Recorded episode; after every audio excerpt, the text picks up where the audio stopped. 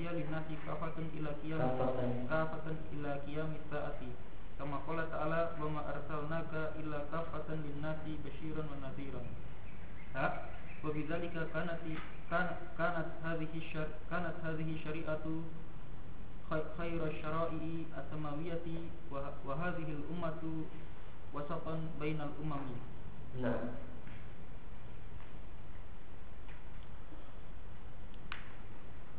hukum nasakh dan hikmahnya.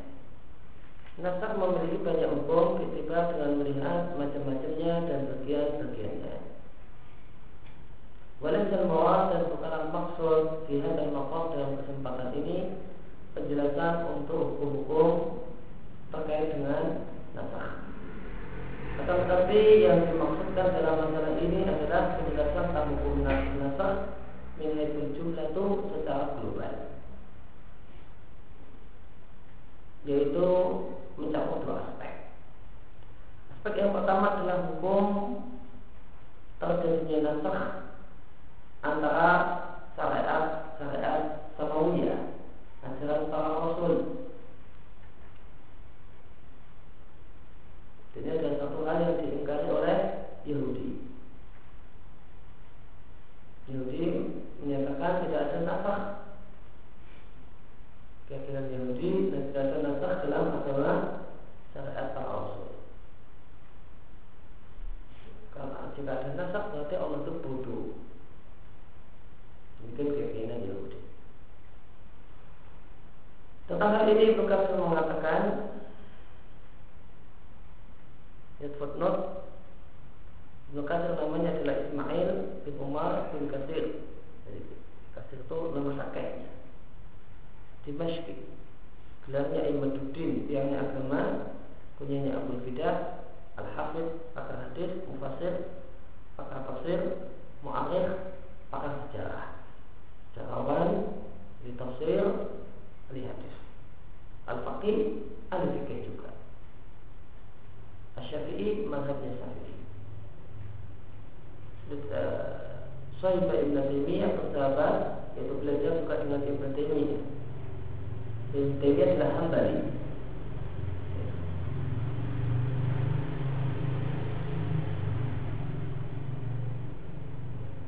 Kemudian murid lain mazhab. Meninggal tahun 774 Hijriah. Akan tapi Allah Subhanahu wa taala tetapkan untuk setiap rasul syariat ala hidatin sendiri-sendiri. Hidatin dari kata-kata wahada, wahid. Wahada yaitu hidatan ya, wawunya hilang sebagaimana wahada yang itu hidatan. Maka wahada yang itu hidatan.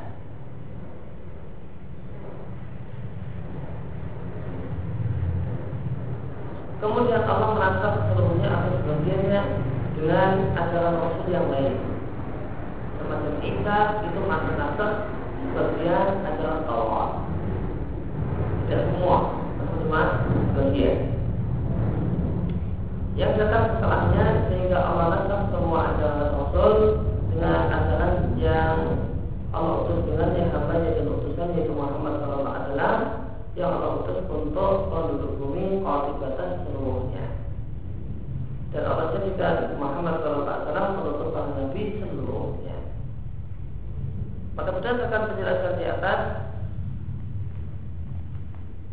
maka jelaslah yang pertama bahasanya syariat ini yaitu syariat Muhammad SAW menambah menghapus semua syariat sebelumnya. Lihat footnote 7. Namun terkecualikan dalam hal itu adalah pokok-pokok agama dan akidah serta pokok-pokok akhlak mulia. Syariat Muhammad tidak menghapus larangan dusta, perintah untuk jujur yang ada dalam syariat terdahulu.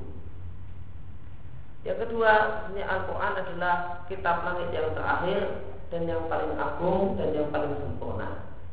Bagaimana firman Allah kami turunkan kepadamu Alkitab dengan hak benar-benar kami turunkan musafiqan kami turunkan pada Alkitab bil hak artinya benar-benar kami turunkan di lain dikatakan bil hak di sini muta'alif dengan anzalna Sehingga artinya benar-benar kami turunkan.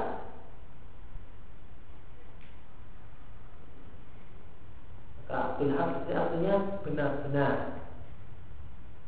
Karena bilhak itu dalam Quran bisa maknanya benar-benar Dan bisa maknanya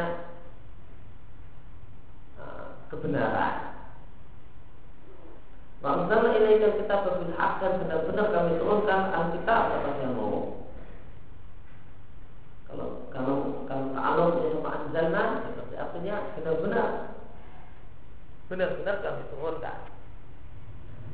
Musab di kalimat ini yang dia membenarkan kitab-kitab sebelumnya maka ini dan kitab kitab sebelumnya wa muhaiminan alaihi muhaiminan maknanya di tafsir lain syahidan syahidan alaihi jadi saksi untuk kitab-kitab sebelumnya. Mana yang sesuai dengan Al-Quran, maka Al-Quran bersaksi ini adalah benar. Yang tidak sesuai dengan Al-Quran, maka Al-Quran bersaksi ini dusta, ini buatan manusia. Kemudian Muhammad Shallallahu Alaihi penutupan kita Rasul yaitu mana firmannya akan tapi Muhammad Shallallahu Alaihi Allah dan penutupan oleh karena itu maka syariat ini Muhammad Shallallahu Alaihi Wasallam layak untuk semua zaman dan tempat.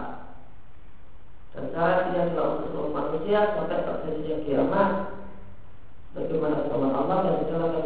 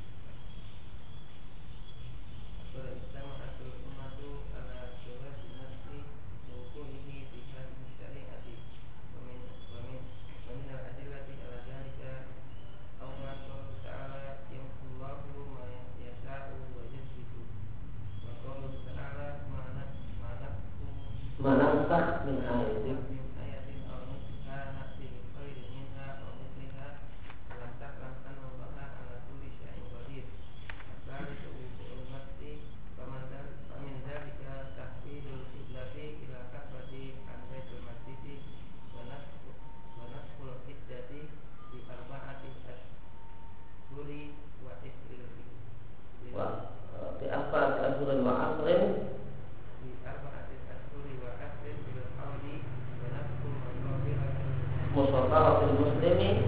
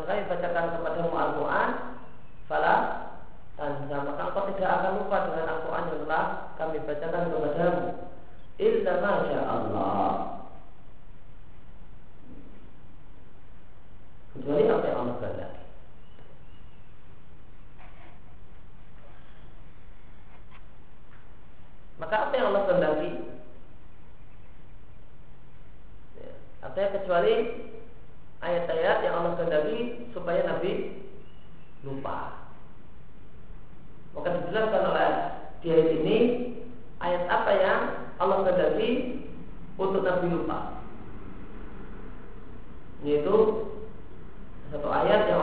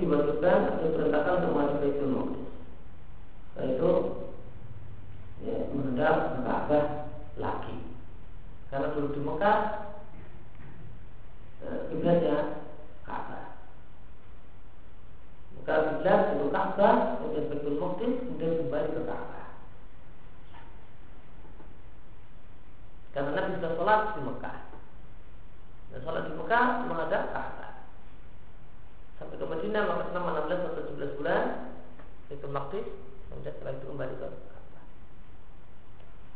Kemudian e, dihapusnya iddah masa menunggu seorang perempuan cukup e, empat bulan sepuluh hari yang dulunya adalah satu tahun. Demikian juga dihapusnya kewajiban untuk musobah bersabar dan tidak boleh meninggalkan medan perang. Dulu seorang muslim diperintahkan untuk bersabar dan tidak meninggalkan medan perang ketika seorang muslim menghadapi sebuah orang kafir. Kemudian dihapus diberi keringanan, ya, wajib sabar dan tidak boleh e, gentar dengan orang kafir ketika seorang muslim berhadapan dengan dua orang kafir. Dan Allah Subhanahu wa taala menghukumi apa yang dia dan berbuat apa yang dia inginkan dan Allah memiliki hikmah yang luar biasa dan kekuasaan yang sempurna alal khalqu wal amr.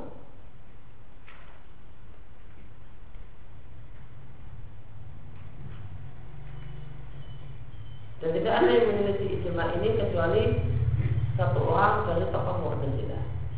Namun ini bukan pendapat resmi Mu'tazilah. Salah satu tokoh Mu'tazilah. Lainnya Ba'dul Mu'tazilah yaitu satu orang yang bernama Abu Muslim Al-Khawlani. Nah, Abu Muslim Al-Asfahani.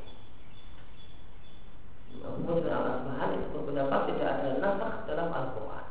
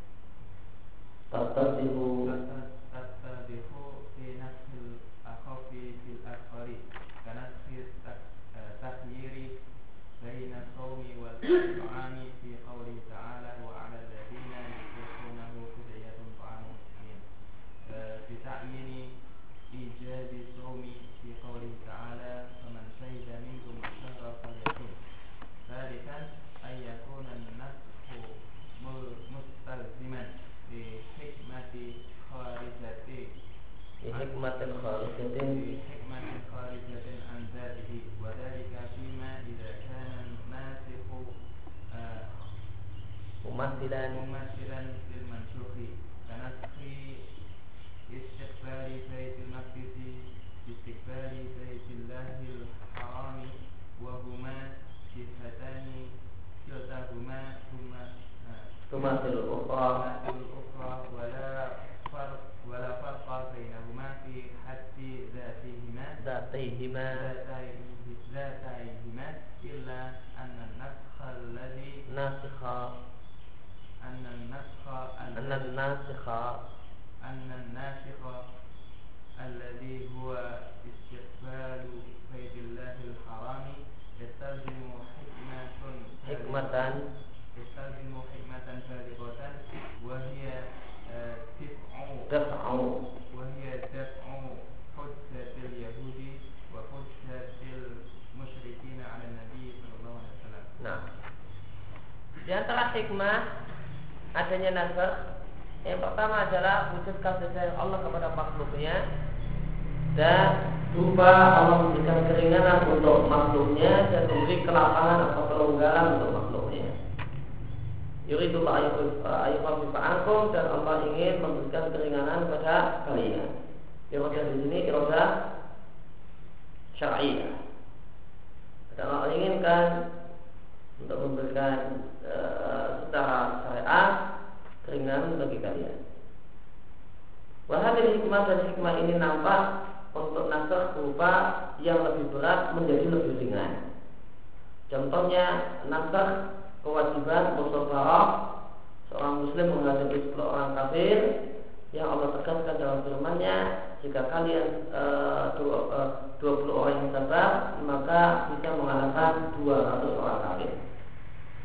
Allah nasakh dengan musafarah seorang muslim cukup e, dengan dua orang dan orang kafir yang Allah tegaskan dengan firman-Nya di ayat kepalanya al-ana khaffafallahu ini adalah al-ana adalah nas kata-kata al-an adalah nas adanya nasakh dalam Al-Quran Hmm. kita katakan kepada orang yang mengambil pendapatnya Abu Muslim Al-Asfahani di mana kamu katakan tidak ada nasakh dalam Al-Quran Al-ana tegas sekarang hukum sekarang beda dengan hukum sebelum sekarang. Ini tegas dari tegas adanya nasakh dalam Al-Quran. Khafafullah anhu Allah memberikan keringanan kepada kalian. Karena Allah tahu kalian ada kelemahan pada kalian Maka jika kalian 100 orang yang sabar Bisa mengalahkan 200 Yang kedua adalah memperbanyak pahala untuk orang yang beriman Dan membesarkan pahala bagi orang yang beriman. Bagaimana firman Allah? Dan diberikan kepada orang-orang yang bersabar. Azruhum pahala mereka Bila hisab. Tanpa hisab. Tentang hisab dalam ayat ini ada dua penjelasan. Sebagaimana disebutkan di Tafsir Mukasir yang pertama adalah masuk surga tanpa hisab. Untuk orang yang bersabar masuk surga tanpa hisab. Kemudian hisab yang kedua hisab yang kedua adalah perhitungan atau diberikan pada orang yang bersabar ya, pahala yang tak terhitung.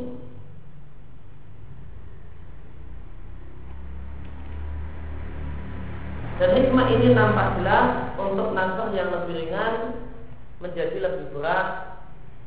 Semacam dulu, semacam nasr dulu ada takyir, boleh pilih antara puasa atau memberi makan. Pikir puasa. Bagaimana firman Allah dan untuk orang-orang yang kuat puasa kemudian memilih untuk tidak puasa fidyatun ta'am miskin maka dia memberi tebusan berupa memberi makan seorang miskin Ditakyir dihapus dengan takyir harus pilihan satu-satunya tidak bersuami wajib puasa. Itu dalam ayat saya dari musyawarah kalian maka siapa antara kalian yang melihat asyahar asyahar di sini bermakna hilal. Kenapa hilal disebut syahar? Padahal syahar itu adalah bulan abstrak, bulan bukan bulan konkret. Bulan konkret itu koma, hilal itu bulan konkret. Syahar itu bulan abstrak. Sebabnya karena hilal itu sebab ya, datangnya syahar maka syahar dan maka bulan dan maka hilal disebut dengan syahar maka disebutkan maka yang dimaksud adalah sebab dan yang disebutkan adalah dan yang disebutkan adalah mu musabah namun yang dimaksudkan makna yang dimaksudkan adalah sebab karena yang dimaksudkan adalah hilal dan hilal adalah sebab ya, untuk terwujudnya musabah yaitu syahar. Kalian tunggu maka adalah dia puasa. Dulu di awal Islam orang hukum puasa itu wajib, namun wajib mukhoya, wajib boleh milih. Kalau mau puasa ya silakan puasa, kalau nggak puasa biar dia. Setelah itu hukum dihapus, harus puasa kecuali orang yang tidak mampu. Yang ketiga,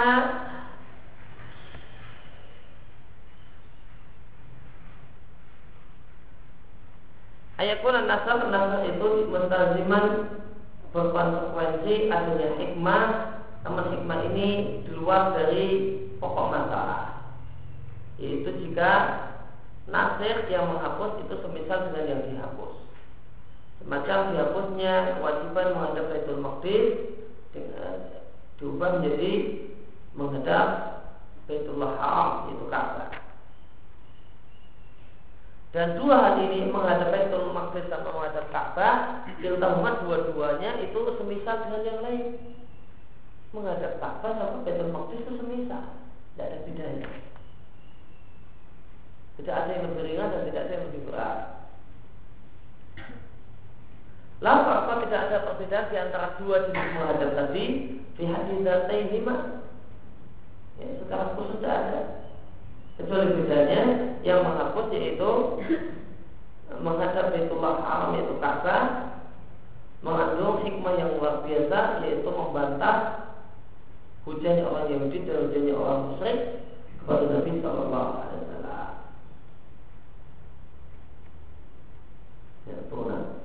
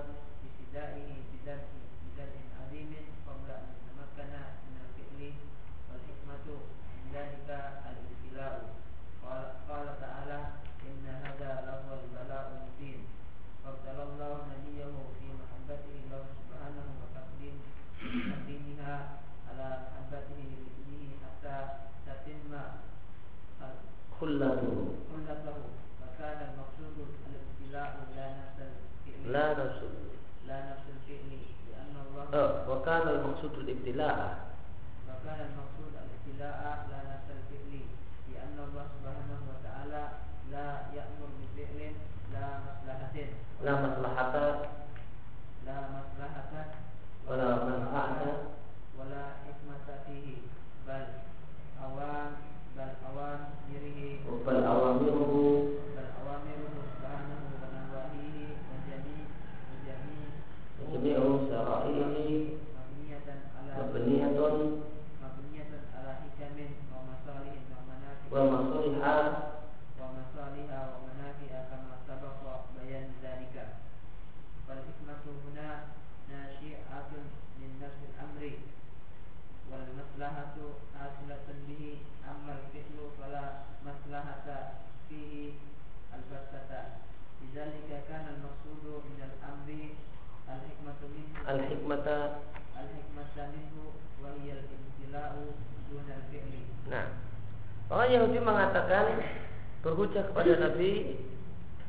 dengan mengatakan wahai Muhammad engkau mencela agama kami yaitu Yahudi namun engkau sholat menghadap kiblat kami. Dan mereka juga berucap bahasanya uh, indahum menurut mereka dalam kitab mereka bahasanya Nabi diperintahkan untuk menghadap Baitul Maqdis kemudian berpindah atau dipindah untuk menghadap Ka'bah. Mana buktinya? Kok belum menghadap menghadap Ka'bah? Kalau memang Allah Nabi sedangkan orang musyrik mengatakan pada Nabi Wasallam engkau mengaku-ngaku uh, beragama Ibrahim namun ternyata engkau sholat tidak menghadap kiblatnya Ibrahim. Allah isyaratkan adanya hikmah ini dengan firman-Nya supaya manusia tidak lagi punya hujah untuk menyalahkan kalian. Jadi antara hikmah dalam hal tersebut adalah membedakan orang yang imannya kuat dan orang yang imannya lemah. Dan ini akan menjadikan kiblat yang engkau uh, sekarang engkau menghadapnya kecuali supaya kami tahu siapakah orang yang benar-benar mengikuti Rasul di, dan siapakah orang yang berbalik pada tumitnya yaitu e, berbalik ke belakang. Wa ingkar akan kebiratan ila alladzina hadallah. Dan sebenarnya menghadap kiblat adalah satu hal yang berat kecuali untuk orang-orang yang Allah beri petunjuk artinya orang-orang yang kuat imannya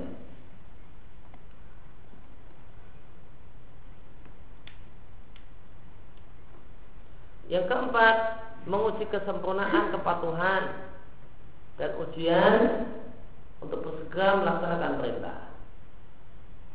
Hikmah ini ada jika Allah perintahkan uh, hambanya untuk melakukan satu perintah, kemudian hambanya tersebut taat, kemudian dia perintahkan untuk melakukan kebalikan dari perintah yang pertama, namun juga taat juga. Maka ini adalah bukti sempurnanya kepatuhan dan kepasrahan. Hikmah ini nampak jelas nampak jelas pada menafsirkan satu hal sebelum memungkinkan untuk melakukan hal tersebut. Maka ada satu jenis nasr yaitu nasr baru diperintahkan dan dihapus sebelum dilaksanakan. Ya, not akidah al-sunnah dalam masalah menasah perintah sebelum mungkin untuk dilakukan adalah satu hal yang mungkin secara akal dan memang real terjadi. Dan pendapat al-sunnah ini tidak oleh Asy'ariyah.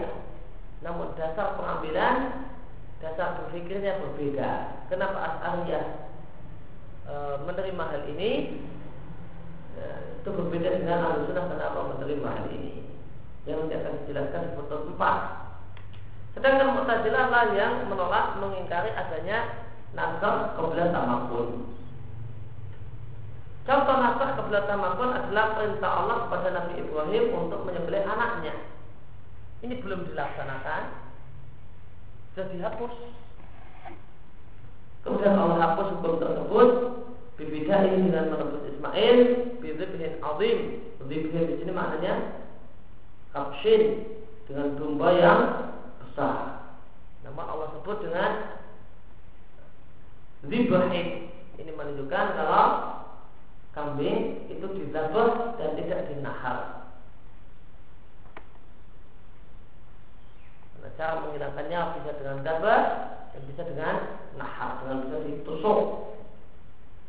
Maka Allah menyebut kibas dengan dibahik. Ini mengisyaratkan kalau kibas demikian juga jenis kambing yang lain itu digabah dan tidak di nahar. Kemudian sebelum Ibrahim ya tamakan minal benar-benar melakukan apa yang diperintahkan. Nah, jika ada nafas semacamnya pemanfaatnya, hikmahnya adalah ujian.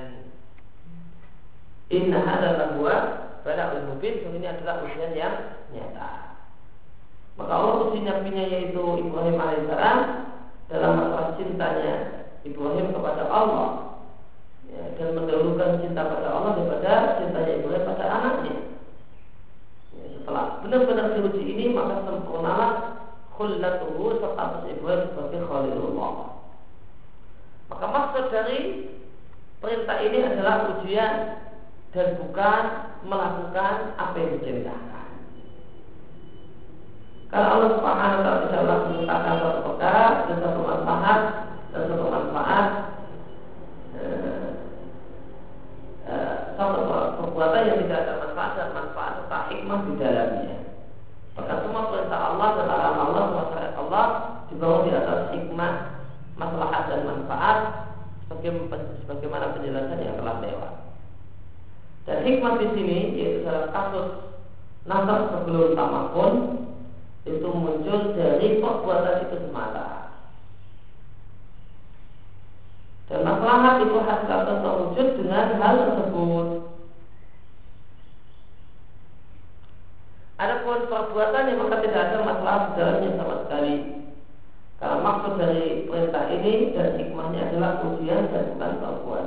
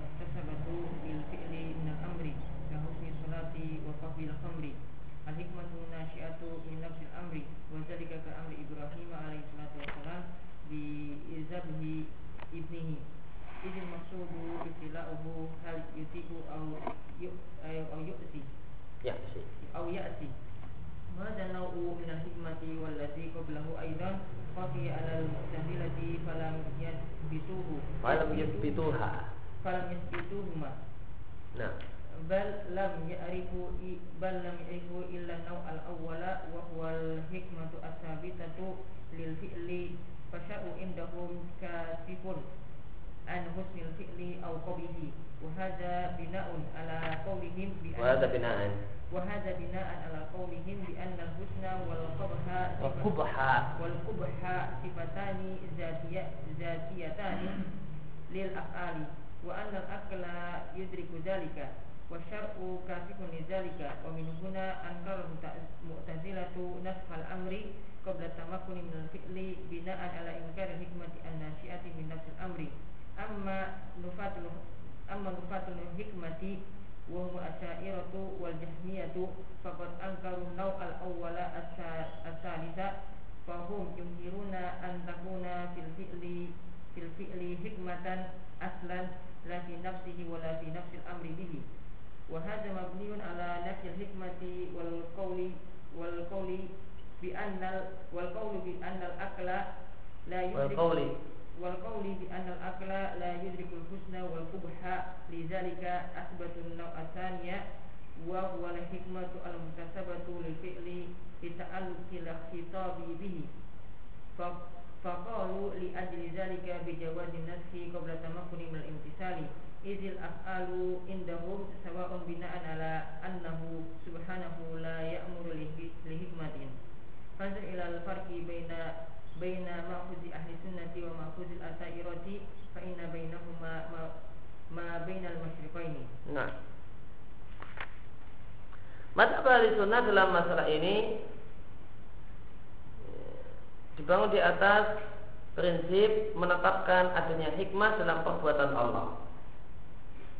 yaitu takdir takdir Allah. Dan dalam hukum-hukum Allah yaitu hukum syariat Allah. Maka semua takdir Allah dan semua aturan-aturan Allah aturan syariat Allah itu mengandung hikmah dengan tiga jenisnya. Ada tiga jenis hikmah yang diakui oleh dan diyakini oleh al-sunnah Pertama adalah hikmah yang ada pada perbuatan yang diperintahkan. Allah memerintahkan berjujur dan jujur itu sendiri manfaat. Jujurnya itu sendiri itu manfaat. Hikmah itu manfaat. Masalah. Allah perintahkan untuk adil ketika memberi putusan kita dan adil itu sendiri manfaat perbuatan adil yang diperintahkan Allah, Allah itu sendiri manfaat.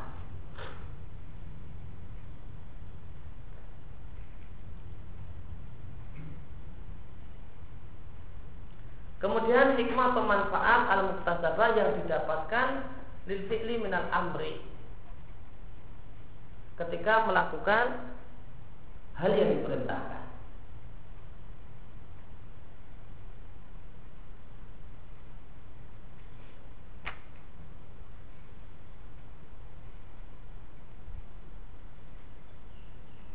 kahusni salati wa kubil khamri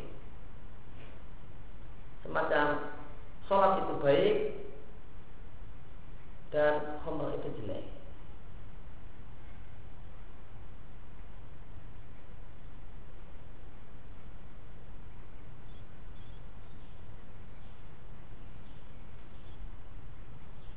Nah kita mengatakan sholat itu baik manfaat karena Allah perintahkan sholat. Dan kita yakin semua perintah Allah baik Maka dan manfaat Maka kita katakan Sholat itu manfaat Beda dengan yang pertama. Yang pertama tidak putus syariat. Jujur itu baik Adil itu baik Tidak putus syariat Orang sudah paham. Kemudian yang ketiga adalah hikmah atau manfaat yang muncul dari perintah semata-mata perintah semacam perintah uh, Ibrahim diperintahkan untuk menyembelih anaknya maka ada hikmahnya. Yaitu apa? Ujian. Tes karena maksud dari perintah ini adalah menguji Ibrahim taat ataukah maksiat.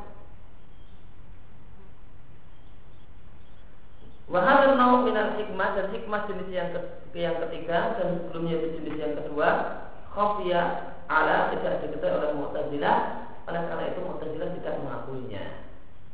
Tidak mengakui, eh, tidak mengakui keduanya. Yaitu hikmah jenis kedua dan jenis ketiga. Dan mereka tidaklah mengenal kecuali hikmah jenis yang pertama.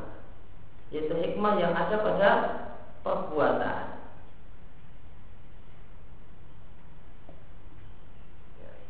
Karena dengan semata-mata akal tanpa syariat orang sudah tahu kalau adil itu baik, jujur itu baik, amanah itu baik. Karena syariat menurut mereka cuma menampakkan baiknya perbuatan atau jeleknya perbuatan. Bukan menetapkan baik dan buruknya. Nah, menurut akal itu sudah baik. Kemudian datanglah syariat yang syariat itu menampakkan, menegaskan baiknya. Nah, kenapa mereka cuma Mu'tazilah cuma mengakui hikmah jenis pertama? Wahada binaan dan ini berdasarkan pendapat mereka, akidah mereka bahasanya baik dan buruk adalah uh, sifatani dzatiyatani lil akal adalah sifat yang memang ada pada sebuah perbuatan dan akal bisa menangkap sifat tersebut Sedangkan fungsi syariat cuma kasyif lidalik. Cuma menegaskan kalau itu baik, kalau ini buruk. Kalau ini adalah apa yang dianggap baik oleh akal itu adalah baik dan apa yang dianggap buruk oleh akal itu adalah buruk. Oleh karena itu Mu'tazilah mengingkari nasar dihapusnya perintah sebelum mungkin untuk dilaksanakan disebabkan karena mereka mengingkari hikmah jenis yang ketiga yaitu hikmah yang muncul dari semata-mata perintah.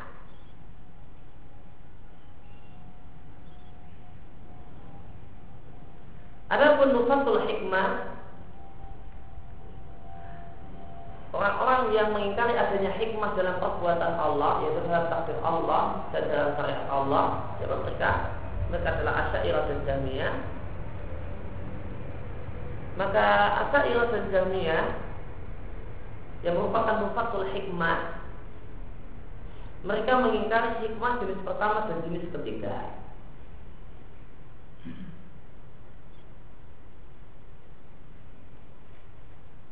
maka mereka mengingkari antakuna fi'lu antakuna fil fi'li. Berarti dalam satu perbuatan itu ada manfaat sama sekali.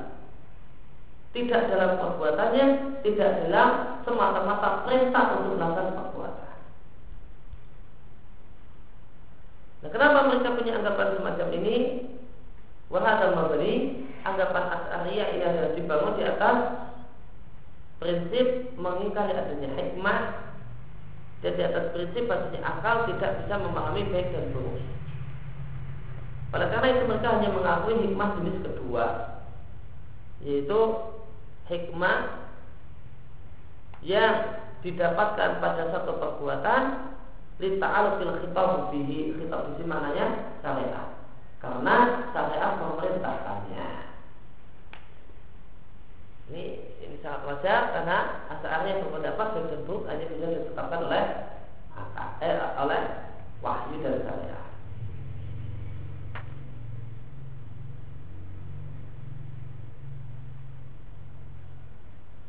Fakalu karena mereka mengatakan hikmah yang ada itu adalah hik ini adalah uh, adalah satu hal yang manfaat karena syariat memerintahkannya maka karena itu mereka mengatakan adanya nasab sebelum memungkinkan untuk mentaati satu hal yang diperintahkan.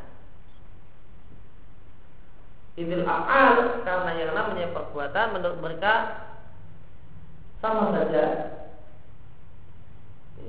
antara menyembelih Ismail ataukah menyembelih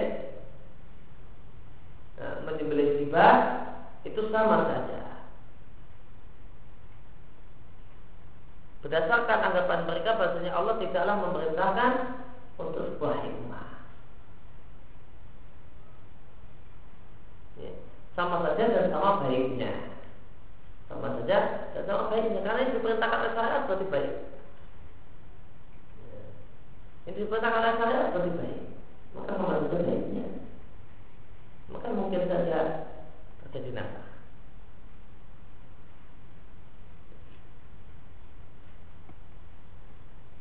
Nah, lihatlah perbedaan antara dasar pengambilan ahlu sunnah dan dasar pengambilan asyairah.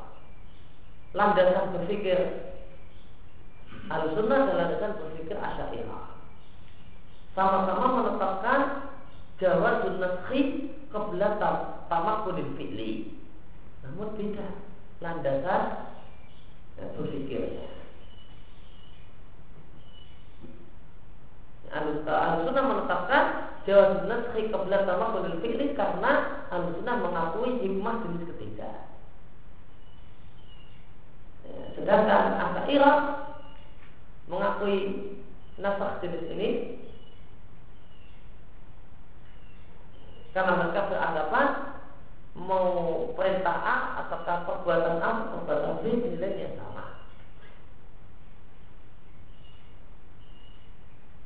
Karena Allah tidaklah memerintahkan sesuatu karena manfaatnya. Ya tapi karena Allah suka-suka saja memerintahkan ini dan itu. Fa'inna bainahuma maka maka landasan berpikir dua hal ini Al-Sunnah dan Asy'ariyah adalah sangat-sangat berbeda Baik dan pastikan timur dengan barat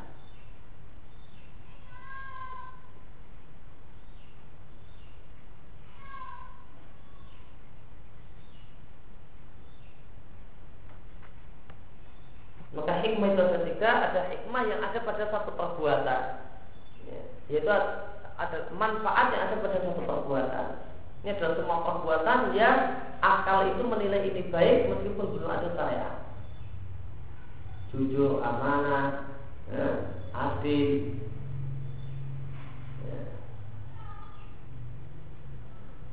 Sempat dengan orang tua, tidak menyakiti tetangga,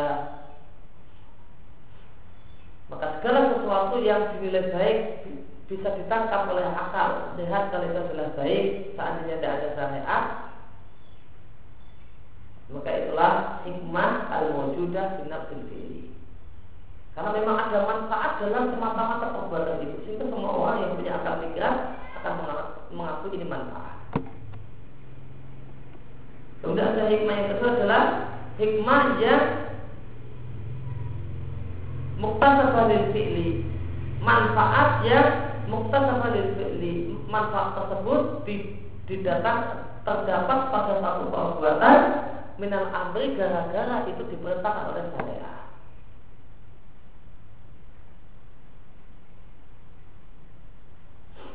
Semacam sholat itu baik, sholat puasa itu baik, haji itu baik,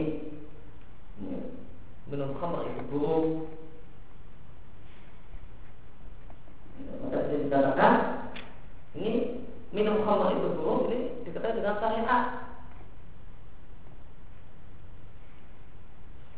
Karena mungkin akal sehat, akal cuma bisa mengatakan dia asal mabuk di dalam kamar dan keluar apa apa. Dan apakah itu duit duitnya sendiri, nggak maling, nggak nyuri, duitnya nggak.